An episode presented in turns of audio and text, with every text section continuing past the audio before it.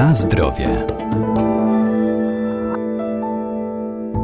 Ziołolecznictwo jest jedną z najstarszych znanych człowiekowi metod wspomagania organizmu także w stanach chorobowych, bo zioła, czyli rośliny zielarskie zawierają szereg ważnych składników mineralnych czy witamin, mają też właściwości lecznicze. Dziś powiemy o wiesiołku i mniszku lekarskim.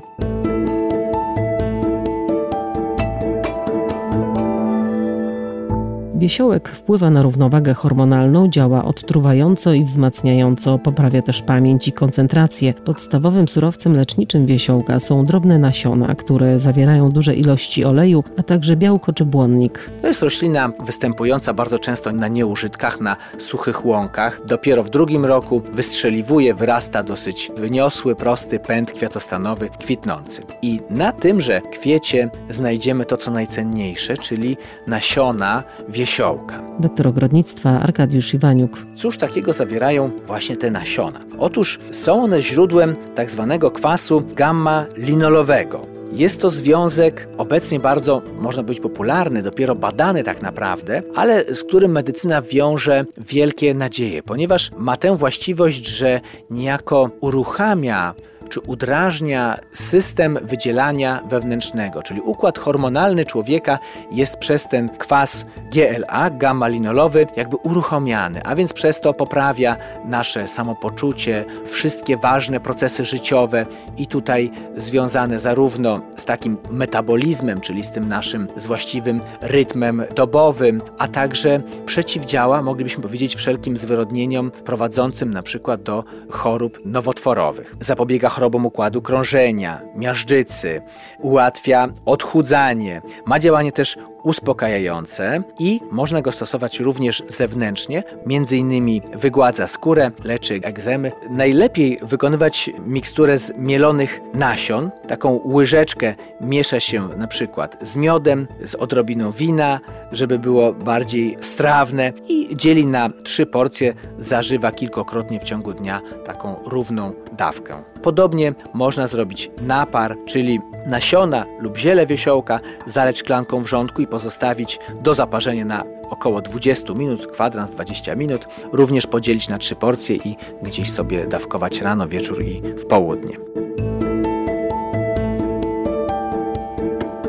Na zdrowie. Mniszek swoje właściwości lecznicze zawdzięcza między innymi garbnikom, witaminom i minerałom, które zawiera. Normalizuje proces trawienia, działa przeciwwirusowo i wzmacnia układ odpornościowy. Może być także stosowany zewnętrznie w chorobach skóry, takich jak łuszczyca czy trądzik. Stosuje się go między innymi jako środek odchudzający i odnawiający organizm. Dlaczego odchudzający? Ponieważ garbniki mniszka, czy w ogóle jego składniki powodują zwiększenie metabolizmu, takie ożywienie organizmu, a także regulują poziom cukru, a więc są to czynniki, które sprzyjają, no właśnie, poprawianiu, jakbyśmy to powiedzieli, sylwetki. Co ciekawe, mniszek działa w ten sposób, że poprawia też apetyt, a więc mamy dwa w jednym, bo można z jednej strony więcej zjeść, a otrzymać lepszą sylwetkę. Dlaczego tak się dzieje? Otóż mniszek zawiera bardzo dużo kwasów organicznych, garbników, witamin, ale także, co ciekawe, znaczne ilości rzadkich mikroelementów, takich jak kobalt, mangan, bor, miedź, cynk i żelazo, czyli to, co powoduje, że nasz organizm działa lepiej, działa wydajniej, no właśnie ma lepszy metabolizm, poprawia się jego homeostaza, czyli tą naturalna równowaga organizmu. Co ciekawe, w korzeniach mniszka zawarty jest wielocukier inulina a więc inny od naszej glukozy. I jaka część tego mniszka będzie dla nas interesująca? Dwie części, a więc koszyczki kwiatostanowe, jak i również cennym, czy może nawet najcenniejszym składnikiem, czy organem mniszka jest korzeń. Może być dodawany do sałatek, no, może jest trochę nieco gorzkawy, tak, więc ten smak jest specyficzny, ale także suszony i później odpowiednio spreparowany, pokrojony, wysuszony, może być przechowywany i w odpowiednim momencie wyciągany po to, żeby zrobić z niego odpowiedni odwar. Oczywiście jest to troszkę trudniejsze niż na przykład odwar z liści, bo te części korzenia są e, twardsze, trzeba je nieco dłużej przygotowywać.